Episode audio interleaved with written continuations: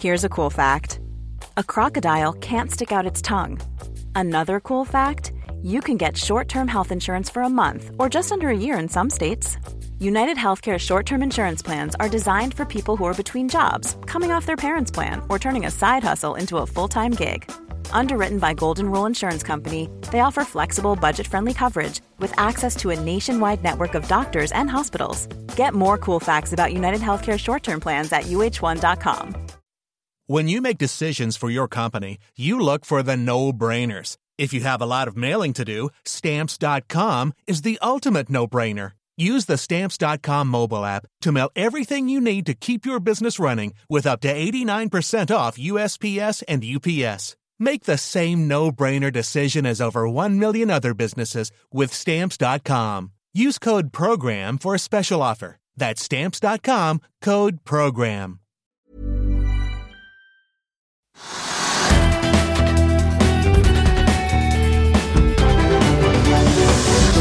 Vi nordmenn har vært vant til eh, dyr bensin, men til gjengjeld har vi hatt billig strøm, ren strøm og mye strøm. Og selv om strømmen har vært billig, så har vi både klart å bygge opp eh, Norge til å bli Europas største fornybarprodusent, samtidig som vi også lager aluminium og andre industriprodukter på ren kraft. Ja, sånn har det i hvert fall vært i gode gamle dager, men i disse dager er det jo mange som spør seg om det vil fortsette sånn, for eh, som vi jo vet, så henger alt sammen med alt.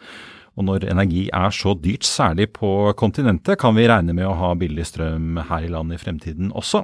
Velkommen til Økonominyhetenes sommerserie her i Finansavisen, der vi gjennom sommeren får besøk av ulike personer som fra hver sin kant i økonomiens verden skal gjøre oss litt klokere på hva som skjer og hva vi har i vente.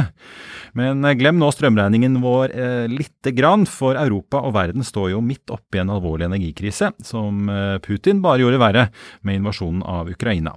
Og siden vi har snakket inngående pågående, og hva som nå skjer i olje- og gassindustrien i denne podkasten i sommer, så er det på tide å snakke med en som sitter i en litt annen kant av eh, rommet, får vi si, i energibransjen.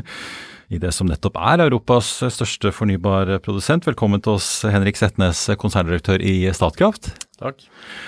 Du, jeg sa jo at alt henger sammen med alt. Vi har jo eh, sett energikrisen utspille seg egentlig vel fra i fjor høst og utover. Vi begynte å se en del industribedrifter i Europa slite med høye gasspriser, og Yara-sjefen begynte å snakke om en kommende matkrise. Jeg spurte Equinors sjeføkonom eh, Wærnes da han var her eh, tidligere i sommer om dette, men jeg tenkte å spørre deg også. Hvordan kom vi egentlig hit? Det er jo en, det er en lang historie, men men det har jo vært Sett sånn fra liksom at- Statkraft sin side? Ja, ikke sant. Så øh, det har jo vært sånn at Russland er en stor eksportør av fossile brensler liksom, i global skala. Uh, og, og naturlig nok, gitt beliggenheten, spesielt viktig for Europa.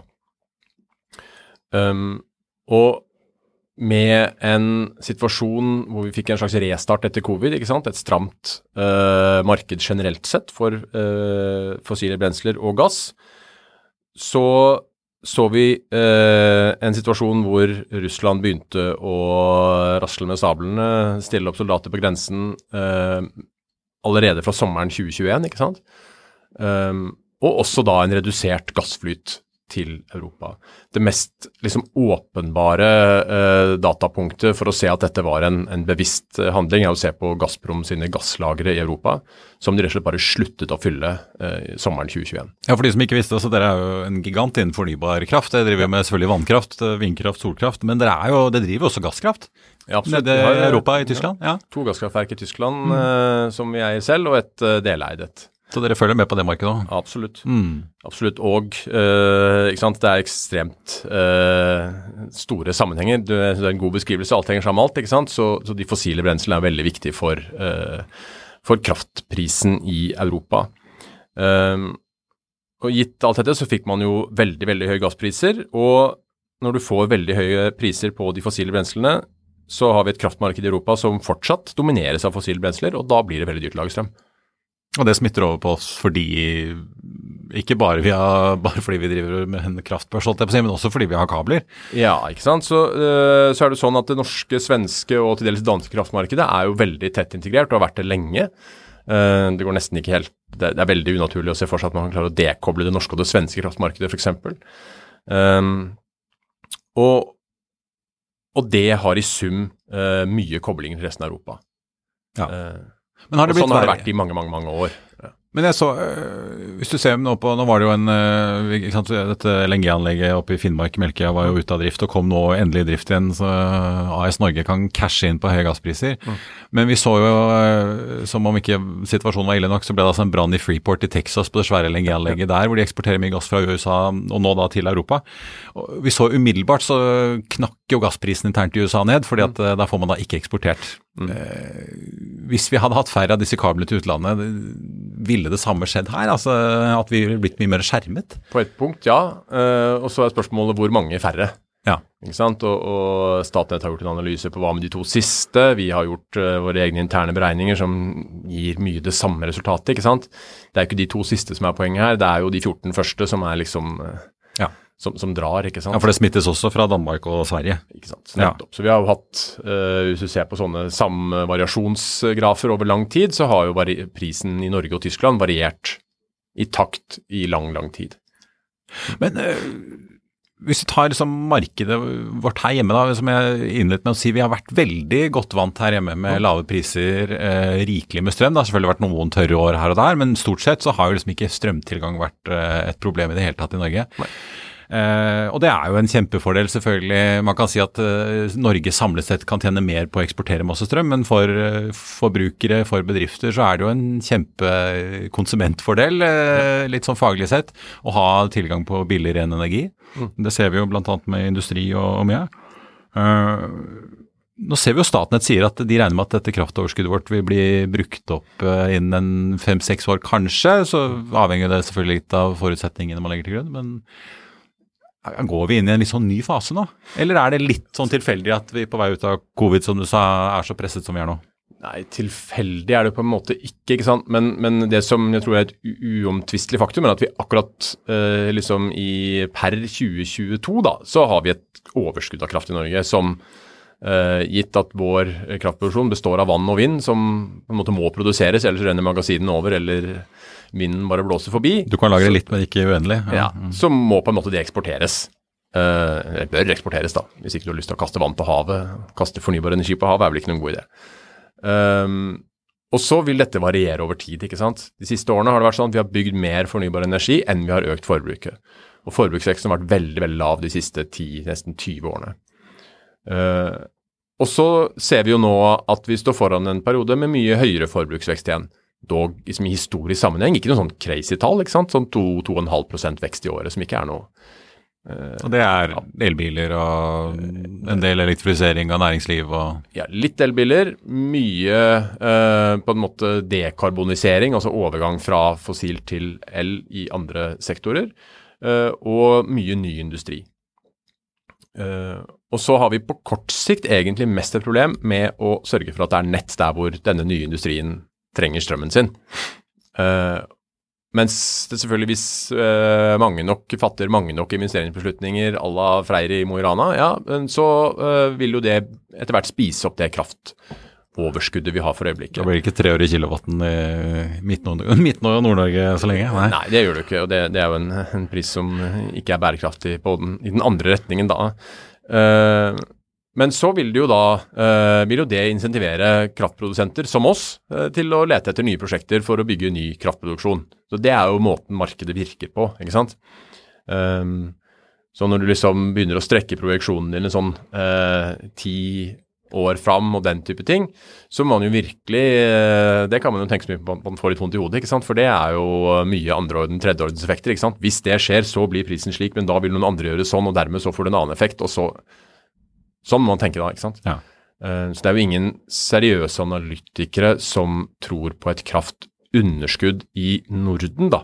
eh, På noen fornuftig horisont. Nei. Før 2040 eller noe i den dur, og da er det veldig avhengig av hva svenskene gjør med kjernekraften sin. Om de liksom levetidsforlenger den, så får vi det ikke da heller. Hvis de legger den ned litt brått, så kan du da få et eller annet eh, tema. Men det tror vi jo at også da verden kommer til å tilpasse seg til underveis. Det Så Neppe noe rolling blackouts, som de kaller det i USA. Så, så vi har jo i Norge og Sverige spesielt kanskje eh, liksom verdensledende vindkraftressurser på land, eh, som jo er omstridt. Eh, mye i Norge, litt i Sverige. Eh, men hvis man tillater en eller annen eh, fornuftig utbygging av det, så, så, vil man jo kunne opprettholde et konkurransefortrinn over tid, da. Ja. Men det at vi faser inn eh, Nå er jo landbasert vindkraft billigere enn havvind, mm. men vannkraften er jo enda billigere, i hvert fall hvis det er litt stor skala. Sånn så i utgangspunktet? Det går ikke an å, å, å, si egentlig hva prisen på vannkraft er, for det er ekstremt avhengig av ressursen. Ja. Liksom, hvis du skal bygge ut de beste hvis du liksom skulle startet på nytt da, og bygge ut de beste vannkraftressursene vi har i Norge, så er jo de fantastiske i en sånn verdensskala. Da får du det der tiøre Ja, det er nok Noen kanskje å ta i litt. Men, ja. men du, du, du, får uh, i hvert fall priser uh, kanskje ned i mellom 20 og 30 øre eller sånt, noe etter kapitalkost også. Ja. Mens uh, hvis du liksom skulle vi har, gjort, vi har jo sett på mye vannkraftprosjekter rundt omkring i verden, ikke sant. Uh, det som lar seg bygge i dag, uh, det er jo mer liksom 50-60 øre kilowattimen i mm. som full kost. da. Vi skal ha tilbake kapitalen også, som jo er en naturlig antakelse å tenke at man skal. Um, men det varierer altså ekstremt med ressursen. De beste prosjektene fantastiske, dårligste prosjektene helt elendige, selvfølgelig. Men, er, men hva skjer med prisene når vi driver og fòrer inn, inn, i systemet når vi da har denne gunstige vannkraften fra før mm. i Norge? Uh, vi, skal, vi, skal, snakke mer om det senere, som man kan gjøre en del med. men når vi da fôrer inn vindkraft, som jo på land er eh, dyrere, eh, og så kan du jo da fôre inn havvind som er enda dyrere, eh, og kanskje subsidiert litt hvis man skal ha litt ekstra fart på utbyggingen, vil ikke det da tvinge opp prisene, eller er det Nei. ikke så enkelt? Nei, det er egentlig tvert om. ikke sant? Jo mer, Det er et markedskryss. ikke sant? Tilbud og etterspørsel. Jo mer tilbud som kommer, jo lavere prisen. Så enkelt er det. Og så er spørsmålet vil noen gidde å bygge dette. Ja, hvis du sier at Fordi Hvis de ikke tror at prisen kommer til å forsvare kapitalkosten, så vil de ikke gidde å bygge det. ikke sant? For marginalkosten på vind, vann og sol er jo nær null. Mm. Ja, godt, eh, det er noen akademiske debatter om hvor lav, hvor nære null, men den er i praksis eh, null. Tilnærmet null, ja. ja. Um, sånn at jo mer du bygger av det, jo lavere blir prisen. Men det er klart, eh, hvis du så Men hvis den har en kostnad på 70-80 øre, så er det vel ingen som vil bygge det før du ligger omtrent i det sjiktet? Ja, enten det, eller at du får noen subsidier eller noen andre type strukturer. Ikke sant? Og det er jo det vi har sett og ser egentlig landene rundt oss, at det lages jo mye ordninger for å fase inn fornybar energi, fordi man ønsker å fase ut fossile brensler. da. Og Man ønsker egentlig liksom ikke å drive prisen opp til et nivå hvor det skjer av seg selv. Man subsidierer heller inn litt, og så blir det litt sånn blanda marked mellom, eh, mellom en, en, kortsiktig pris og noen eh, litt uh, utydelige investeringssignaler, da, som ja. er mye drevet av Men på sikt går man ikke, er man ikke da nødt til å gå mot da det kostnivået som disse nye energikildene ligger på? Jo, altså på et eller annet vis vil man jo det. Noen må betale til slutt, ikke sant. Mm. Og summen av konsumenter må nå til slutt betale. Og så er det jo ikke så stor forskjell på om du betaler direkte over strømregningen eller via skatteseddelen. Det er allikevel de samme som skal betale til slutt, da. Samfunnet betaler jo. Vi har jo sett eh, jeg holdt på å si Frankrike er jo de gule vestene kjent, men vi har jo sett på en måte hvor betent eh, energipriser kan være også her hjemme. Politikerne har jo satt i gang en svær støtteordning på strøm. Bensin holder igjen på, så får vi se. Men hvordan, eh, hvordan leser dere på en måte markedet utover høsten og vinteren, og hvor stramt det vil være da? Vi ser jo her hjemme så er jo Statnett stresset nå over hvor fulle magasinene er. Mm. Vi ser uh, tyske regjeringen er ute og si, sier helt åpent at de nå skal bruke mer kull for å spare på gassen til uh, vinteren, for de mm. er uh, bekymret på, for om de klarer å fylle lagrene sine. Mm. Og så så jeg også her nå før sommeren, så var altså toppsjefen i franske Total, NG og EDF ehm, Det blir vel som ja, sjefen i Statkraft, eh, Equinor og ja, et energiselskap til her i Norge skulle gått sammen og skrevet en kronikk hvor de altså er ute i en stor fransk avis og trygler og ber folk om å spare på energien. Mm. Eh, både i gass og strømform i Frankrike. Selvfølgelig, Vi vet at Frankrike har hatt mye problemer med atomreaktorene sine i år. Mm. Uh, men hvor presset blir det nå utover året, egentlig? Er, er dere liksom bekymret for uh, at ting kan begynne å knekke i sømmene her, eller er det mm. bare at man vil få utslag i veldig høye priser uh, en godt stykke fremover? Så Det er jo en eh, ekstremt krevende situasjon, og, og, en situasjon som vi jo heller ikke ønsker. Ikke sant? Vi vil jo ikke ha det sånn som dette eh, på noe som helst vis. Um, og så er det vanskelig å svare spørsmålet nesten. Uh, hvis vi begynner i Norge, da så er det jo sånn at, som jeg sa i stad, vi har et kraftoverskudd i Norge. Som betyr at vi eh, i prinsippet vil klare oss selv eh, i, i, en normal situasjon. Um, Og hvis vi liksom uh, av en eller annen grunn kuttet alle forbindelsene til uh, omverdenen, så ville vi fått et lite problem mellom Nord- og Sør-Norge hvis vi kuttet i Sverige, så kanskje må ta med oss Sverige også. Um, så ville vi i prinsippet til slutt så ville magasinene våre renne over. ikke sant? Vi ville ha et overskudd av kraft, og så ville vi bare akkumulere lager. Sånn at så strukturelt så er ikke dette et problem for Norge sånn sett, da. Men øh, det er klart at når vi i Europa har en situasjon hvor de reelt sett kan få gassmangel, og det mener vi de kan, det, det er fullt tenkelig at hvis Russland nå kuttet eksporten til null øh, akkurat nå, så, så, ville det bli veldig veldig vanskelig i Europa å, å klare å ha nok gass gjennom vinteren. Og Det er jo bakteppet for hvorfor man har store energisparekampanjer i Europa ikke sant? og har besluttet å senke temperaturen i offentlige bygg. og Det, det er jo mye sånne typer grep. Eh, og også da bruke mer kull istedenfor gass. Uh, og dette er jo et, liksom et, et, grep Russland gjør for å, å, å prøve å så splittelse i Europa. De ønsker jo en situasjon hvor hvert land sier nei, men vi kan ikke dele på våre ressurser, vi må holde oss for oss sjæl Og lage splittelser innad i EU, slik at de kan i større grad Litt som vi så med Ungarn, som, som eh, ikke ville slutte å kjøpe russisk olje med det første? Absolutt. Mm. absolutt. Selv om resten av EU ville. Ja. Og så er det jo sånn at Ungarn er spesielt eksponert for det. Tyskland er spesielt eksponert for russisk gass. ikke sant? Ja. Så, så, det er jo også, det er jo reelle forskjeller, men, men, men de prøver jo så så mye splittelse de kan. ikke sant? Og um, da er det jo sånn at uh, vi som vannkraftprodusent ønsker jo uh, i prinsippet å ha mest mulig vann uh, når det er størst mulig behov, altså høyest mulig pris. Så Det er jo det vi prøver å få til. Men det er klart, i en situasjon hvor du reelt sett snakker om mulig liksom, rasjonering på gass i Tyskland, så er jo det en mye vanskeligere oppgave enn vanlig. Mm. Så vi legger jo inn liksom, sikkerhetsmarginer for å, å, å jobbe for å ta det inn i beregningene våre og sånt. da. Ja, for det kan vel komme en situasjon hvor vi i Norge er nødt til å si sorry, liksom. Vi, vi begynner å få lite vann i magasinet, Skal vi klare å selge gjennom vinteren? Og ja, kanskje møte et Europa som ikke vil selge tilbake til oss fordi at de sitter og rasjonerer selv. Mm. Så er vi nødt til å ta vare på oss selv. Ja, men i en situasjon hvor dette øh, ikke skjer sånn veldig abrupt, men over natta, liksom, så vil jo dette være noe vi i så fall har planlagt for, og, og vil eh, ha perspektiver på ja, men hvis dette skjer, så kommer magasinfyllingen til å være sånn til vinteren og sånn til våren, og, og ha kontroll på den situasjonen, da. Mm.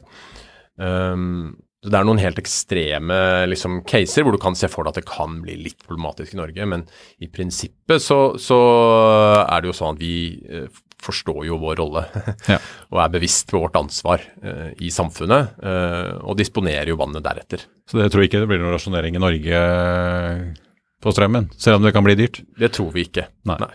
Men, men, det kan bli dyrt. Uh, det kan bli veldig veldig høye priser. Eh, og det er klart, du kan få en veldig sånn krevende situasjon hvis det er rasjonering på gass i Europa. Så suspenderes jo på en måte gassmarkedet der. Hva gjør de da med kraftmarkedet? Hva har det for betydning på hvordan man definerer flyten mellom landene? Vi så jo, kraftmarkedet i Norge, ikke sant? Ja, Nå er ikke det akkurat i vår egen bakgård, men vi så jo Australia suspendere spotmarkedet på ja. kraft rett og slett fordi de, de slet med, med kulltilførselen. Ja, ja, så var det noen strukturelle problemer i markedsdesign deres, tror jeg. Men, men, men de suspenderte jo strømmarkedet sånn som det pleier å fungere. ja. Og Den situasjonen er jo bekymringsverdig. ikke sant? Fordi får, Det er jo sånn at dette er laget for å, å, å sikre fornuftig ressursallokering på tvers av både fossile brensler og kraftmarkedene og den type ting. Og så, hvis du tar bort en av de komponentene, så ja Du har en suppe som smaker sånn ganske godt, og så tar du bort en ingrediens. Hva er det som gjør at suppa smaker godt? Ikke så godt å si. Disse, hvis vi titter på kontinentet, da. Dere sitter jo med disse gasskraftverkene. Mm. Dere selger fornybar inn. Mm. Hva forbereder dere på der nede, da? Det har vært uh, På andre siden av Skagerrak? ja, nei, uh, først og fremst så har vi vært bekymret uh, for liksom stabiliteten til markedet med så store svingninger. Vi har jo sett en del aktører som er ute og, og hentet mye likvider, for å si det sånn. så vi har vært litt bekymret for det, egentlig. Ellers så uh, opplever jeg at vi har uh, ligget på en måte riktig posisjonert. Uh, sørget for at vi har vært relativt sett lite truffet av de ekstreme svingningene som har vært. ikke sant? Ja, plutselig en, en del utilities, som det så fint heter i England. Altså, de, de er jo de har, skal selge energi i den andre enden, og så må de gå ut og kjøpe da innsatsfaktoren, og den koster plutselig ja. X-gangeren. Helt riktig. Og de, de, vakler jo finansielt, mange av disse. Mm. Mm. Det har jo ikke vi Der har ikke vi vært, da. Nei, så vi har vært mer bekymret for at en av de andre skal Ja, det er ikke vaklende finanser man, man tenker når man leser regnskapet deres om dagen. Nei. Nei, nei, ikke sant. Um, og det er jo et, et resultat av en, en bevisst uh, uh, måte å agere på, da. Uh, selvfølgelig, så vi er jo sånn sett fornøyd med egen innsats oppi alt dette. Um, men det, det er jo uh, må huske ikke sant, at normalt sett så er jo gass billigere enn olje, da. Ikke sant? Uh, gjør du om dette de, uh, på de høyeste gassprisene vi har sett uh, nå, til liksom olje per dollar per fat oljeekvivalenter, så har det vært oppi i 400-500 dollar per fat, ikke sant. så det er klart um, det, All mulig respekt for at folk uh, syns det er dyrt med strøm, altså det er ikke det, men, men det er klart hvis du er uh, britisk husholdning og baserer deg på fyring med gass, så har jo liksom den relative regningen din økt mye, mye mer, da. Men det sier jo noe om hvor viktig og på en måte essensiell gassen det er, tross alt er i Europa. da. Det er sånn At folk faktisk betaler dette her. Ekstremt viktig. Ja. I juni gjorde Statkraft noe de ikke har gjort på 40 år i norsk eh, vannkraft. Mer om det straks, men først en liten reklame. I'll see you in court. Vi sier det ofte litt på spøk, men for deg som driver business, er det aldri moro å innse at du ikke har laget en 100% gyldig kontrakt. Du bør ikke risikere hele firmaet ditt fordi du synes dette med kontrakter er litt stress. En avtale er ikke en avtale. Du kan miste kunder, miste venner, ja, til og med miste inntekter om du ikke lager en skikkelig kontrakt, på alt mulig, egentlig. Men vi vet det er et styr. Kopimaskiner, tregprinter og haugevis av papir. Dessuten stoler vi jo på folk her i landet. Det er ofte litt kleint å skulle be om en signatur for alt mulig, ja, for mye av styret handler også om jakten på underskriften.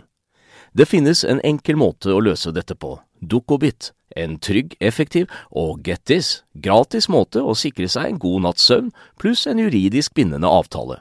Dukkobit-appen har de strengeste sikkerhetskrav i bunn, samt en EU-godkjent og sertifisert teknologi. Framover vil det bli behagelig å spørre du, skal vi skrive under på det, eller? Kom i gang på dukkobit.no. Pause. Du Henrik, vi må snakke litt om uh, veien videre, fordi dere lanserte nå rett før sommeren uh, hva skal vi si, en oppdatert strategi. Uh, du beholdt jobben din, så det er vel et godt tegn. si. Det ble litt endringer i, i konsernledelsen. dere har omorganisert litt. Dette skjer jo, eller dere gjør jo da, etter dere har sett disse store utslagene i priser og inflasjon etter korona og denne invasjonen av Ukraina, så det antar jeg er med i kalkylen her. Men fortell litt hva dere gjør. Er det litt enkelt sagt dere bare gir mer gass på alle fronter? For dere skal jo bygge ut mer fornybar kraft enn det dere tidligere har planlagt for? Ja, så Vi la jo en, en nokså revidert strategisk retning, en ny strategisk retning kan man si, i 2018. Um, som jo på en måte hadde en horisont til 2025. Uh, men 2025 er ikke så lenge til, uh, pluss alle de andre faktorene du nevnte. Så da følte vi behov for å, å, å, se på dette også i en litt lengre horisont fram mot 2030. ikke sant? Og Da får man jo uh, strukket horisonten til litt og, og tenkt seg om liksom, hvilke ting er det man nå skal fokusere på. da. Og så er det på mange måter som du sier, ikke sant, at vi jo egentlig er veldig happy med den endringen vi har, den endringen vi satte i 2018.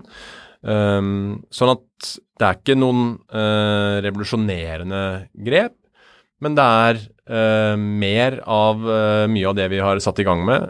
økte ambisjoner innenfor utbygging av vind og sol. tydeliggjøring av at også integrert batterilagring og andre sånne fleksibilitetsløsninger er en del av strategien vår. en tydeligere og større satsing på større vannkraftprosjekter i Norge.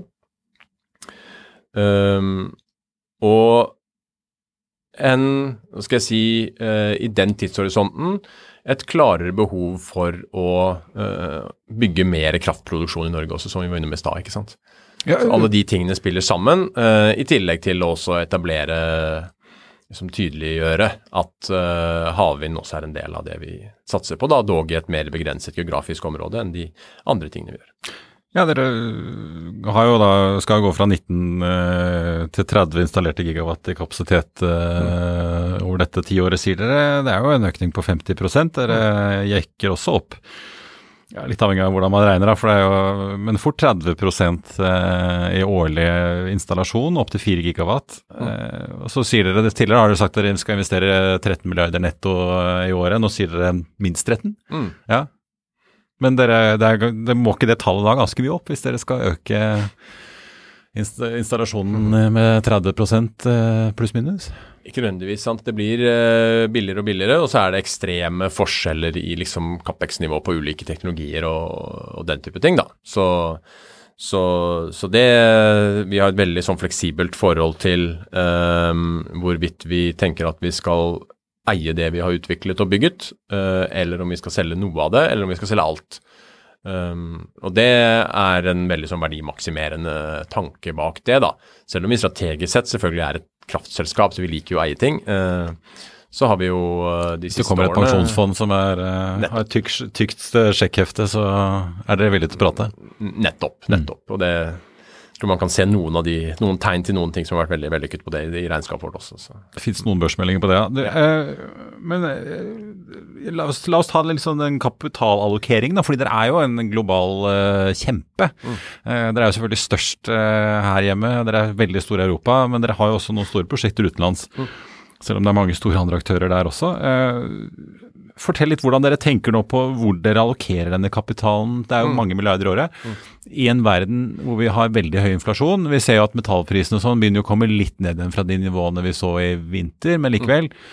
Det er dyrt å bygge. Mm. Eh, vi ser at det er veldig mange om beinet i, fornybarsektoren. Ikke sant? Man har eh, aktører som dere og andre fornybarselskaper som Vattenfall og, og andre i andre land.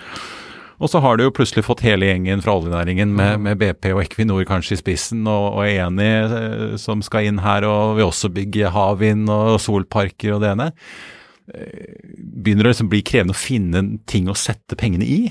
Nei, ikke foreløpig. Vi øh, Altså På kort sikt er vi kanskje ikke det, men vi opplever vel at vi er kapitalbeskranket snarere enn mulighetsbeskranket. Og det tror jeg er en sunn eh, posisjon å være i for et selskap. da.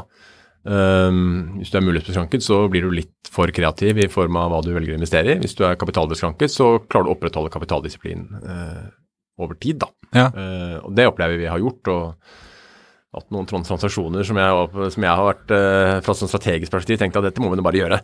Og så er sjefen min en disiplinert mann, så han sitter og venter, og så får han det allikevel, men da til en litt bedre pris litt lenger ned i veien. ikke sant?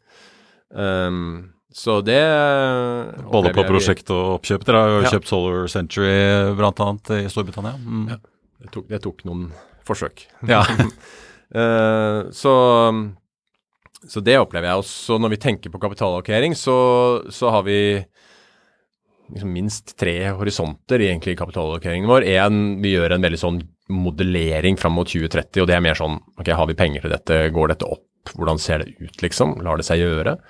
For å forstå om uh, vi kan ha alle disse satsingene, eller om vi trenger færre eller flere. eller den type ting.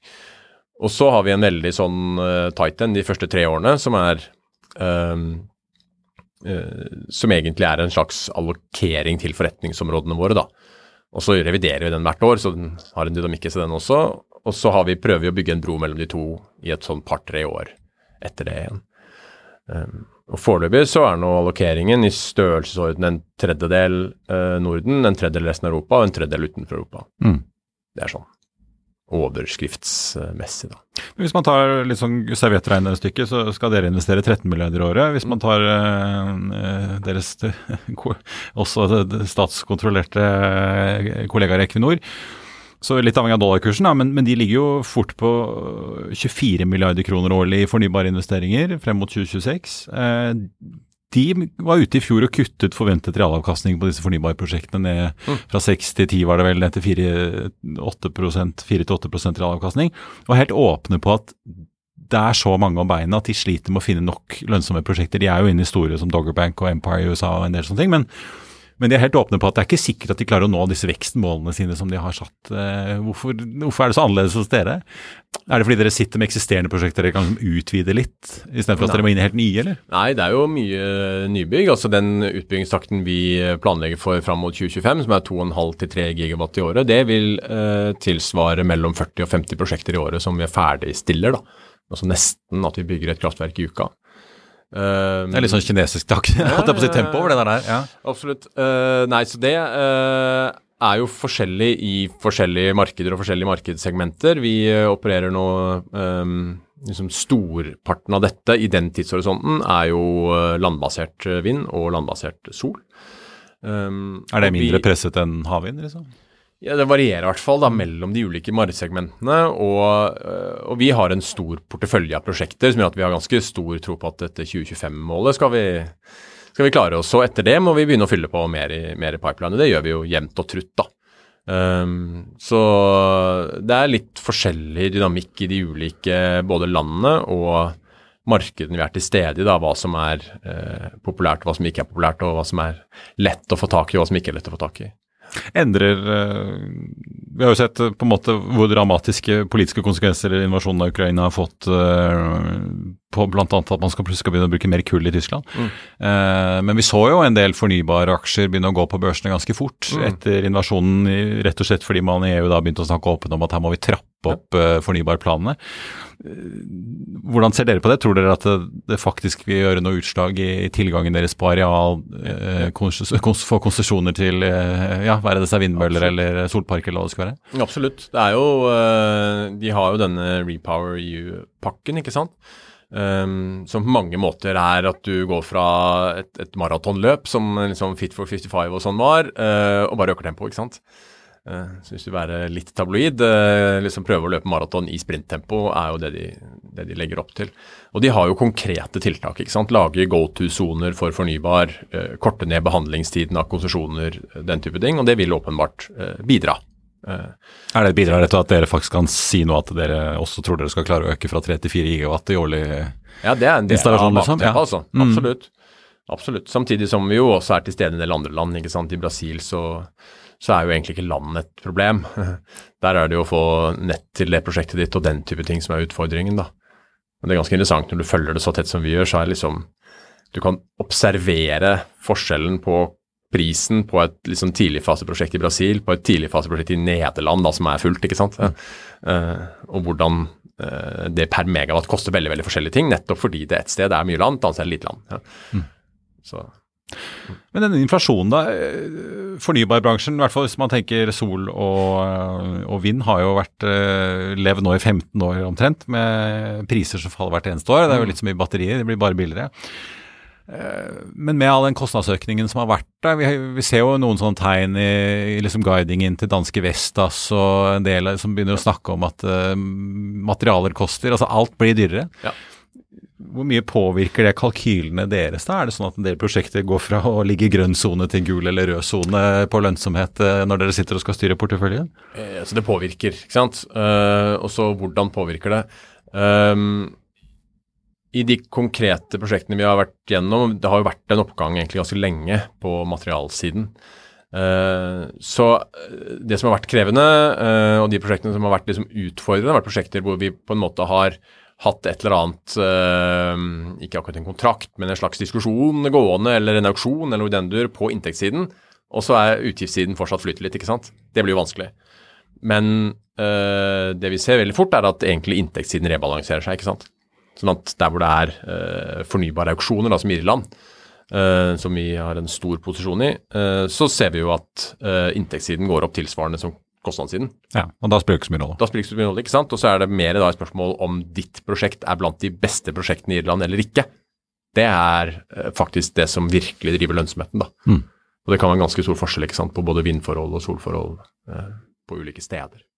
Men er det sånn at liksom utbyggingstakten En ting er jo kost, men altså evnen til for leverandører å få tak i og bygge mm. og tegne og rulle ut, eh, er den også påvirket, eller handler det mest om at bare prisen øker? Altså, verdikjeden har jo vært utfordret en stund, men hvis du ser på statistikken, så bygges det jo mer og mer og mer. og mer, sant? Det mm. blir jo bygd mer fornybar energi i 2021 enn i 2020, enn i 2019 enn i 2018. ikke sant? Så Sånn sett så ser vi jo ikke noen sånne store makrotegn, men, men, for et konkret prosjekt så er det selvfølgelig stadig vekk litt uh, krevende, og særlig nå egentlig med sånn verdikjede og finnes det containere omtrent. ikke sant? Det er masse sånne greier.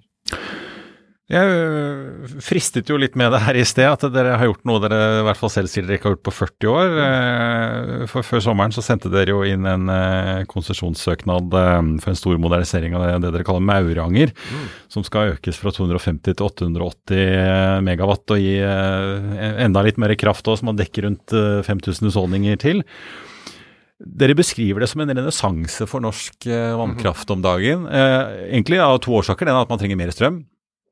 Som jo alle skjønner, men også pga. skatteendringer. Mm. Dere har jo fått uh, det som uh, i hvert fall de som har fulgt med i oljeskattedebatten uh, har hørt om, nemlig kontantstrømskatt. Mm. Og det kommer kanskje litt flere endringer, vi får jo se. Hva er det egentlig som skjer innen vannkraften? da?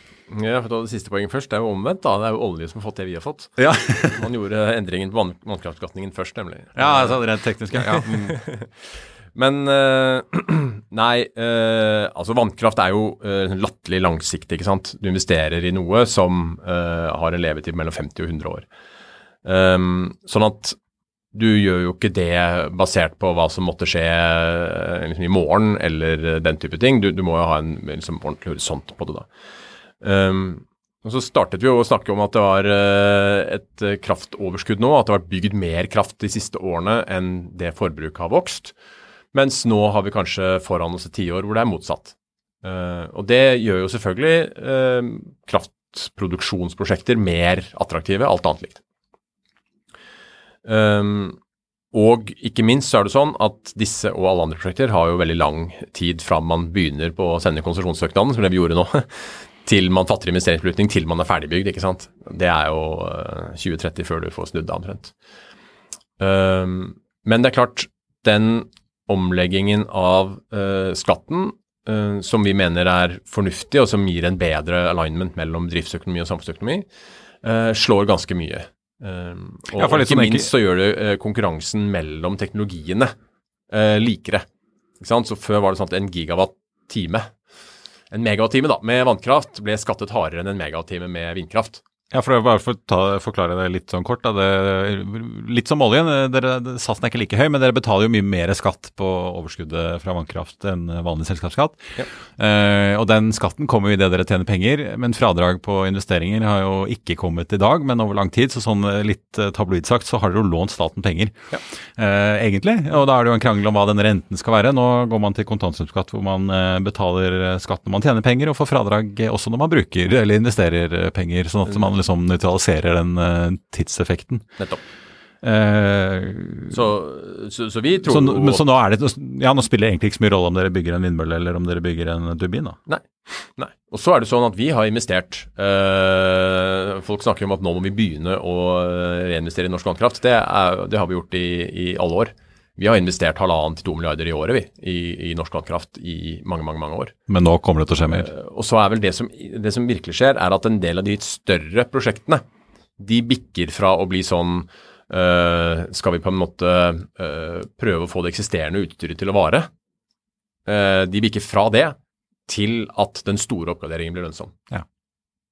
Og da er det ganske mye kraft man plutselig får ut uh, på Ja, en del av disse prosjektene. Og ikke minst ganske mye effekt, ikke sant. Mm. Som jo vil sørge for at, uh, at prisen i de timene som ellers ville blitt veldig høye, blir litt lavere, da. Mm. Ja, for jeg så dere var nesten mer opptatt av ikke at det ble mer strømproduksjon, men at dere kunne produsere mer av gangen, altså Ja, mer effekt. ja. Er, det, er det et svar på alle disse vindmøllene og solcellepanelene rundt omkring i Europa Absolutt. som uh, må suppleres? Absolutt. Så, så liksom skal du dekarbonisere kraftsystemet da, uh, på en eller annen eh, samfunnsøkonomisk fornuftig måte, uh, så må du bytte ut eh, gasskraftverkene og kullkraftverkene dine med noe. Eh, og den, de billigste kilowattimene, bare liksom energien, kommer i dag fra vind eller sol. I stort sett alle markeder i hele verden. Tre fjerdedel av verdens markeder eller noe sånt er det billigst å bygge vind eller sol. Men den øh, kommer jo når solen skinner og vinden blåser. Da trenger du noe som øh, støtter opp under det på et eller annet vis. ikke sant? Eh, vannkraften er jo helt fantastisk i så henseende, den type vannkraft vi har i Norge, fordi den øh, er fleksibel, men fornybar. Og som vi startet med, det er jo en, en eh, tett kobling mellom det nordiske kraftmarkedet, som er veldig tett integrert, og eh, verden rundt oss, da. Eh, landene rundt oss i Europa, og, og deres eh, eh, push for å dekarbonisere kraftsystemet sitt, som jo eh, tjener planeten og oss også, vil jo påvirke oss da på et eller annet vis. Pluss at det bygges jo mye vind i Norge og Sverige. Har bygd, har bygd mye i Norge, skal bygges mye i Sverige. Planer om å bygge mye havvind. Eh, alt det i sum øker behovet da, for fleksibilitet inn i kraftsystemet, og det kan denne type prosjekter tilby. Ja, også for Norge er det vel strengt tatt egentlig aller mest lønnsomt å bygge vann, fordi da har vi noe vi kan Ja. knipe igjen på, gitt at man har et magasin, og så kan man knipe igjen når det blåser mye i Skagerrak og danskenes eh, vindmøller går for full maskin, og så idet det løyer for kvelden, så kan vi skru opp. Ja. Mm. Det er jo ideen. Kjøp billig, selge dyrt. Veldig bra. Tør du å spå når eh, vi forbrukere får en strømpris under en krone kilowattimen ennå? Nei, det vil jeg egentlig ikke gjøre. Um, og det er også litt med at um, det å liksom dele våre prognoser på mellomlang sikt uh, gjør vi ikke, og det har vi egentlig ikke anledning til å gjøre heller. Nei, men eh, du håper eh, som strømkunde, antar du også har en strømregning å betale, så håper du kanskje som oss andre at den tikker nedover? Absolutt. Men ikke sant? det er jo øh, stort sett sånn at så lenge, vil, så lenge, det er en reell knapphet på gass i Europa, enten øh, reell eller fryktet, så vil vi ha høye gasspriser, og da vil vi også ha høye kraftpriser. Uh, så det er ekstremt avhengig av den geopolitiske situasjonen, da, rett og slett. Skal du reelt sett erstatte russisk gass med noe annet, så må vi jo eh, på noen nye LNG-prosjekter, og da er vi jo i 2025, 2026, 2027. ikke sant? Mye til ettertanke. Du, vi spør uh, gjestene våre i sommer. Har du fått deg pass? Uh, ja, jeg har hatt pass lenge, men jeg hadde en liten episode hvor jeg prøvde å skaffe pass til datteren min, og sto i kø på politikammeret noen timer. Velkommen til klubben. Hvor, hvor, går, hvor, går, turen i sommer, da? Blir det norgesferie et år til, eller skal du ut i den store verden og stå i kø på flyplasser? Nei, men det blir Sverige og Danmark, da. Men med bil. Litt tilfeldigvis. Jeg er veldig fornøyd med det valget, selvfølgelig. Det høres kanskje ikke dumt ut, i hvert fall hvis man ser bagasjekaoset på Heathrow. Henrik Setnes i eh, Statkraft, tusen takk for at du eh, kom til oss, og god sommer. Takk for det. Det var det vi hadde for deg i denne omgang, men vi er tilbake om ikke lenge med en ny episode, så husk å abonnere eller følge Økonominyhetene der du hører på podkast. Og hvis du søker opp Finansavisen, så finner du også mange av de andre podkastene vi har her på huset, som handler om alt fra bil til klokker, gründere og kunst. Så det er bare å finne frem mobilen og øreproppene. Produsent Lars Brennen Skram og jeg, Marius Lorentzen, takk for at du hørte på, og så håper jeg vi høres snart igjen.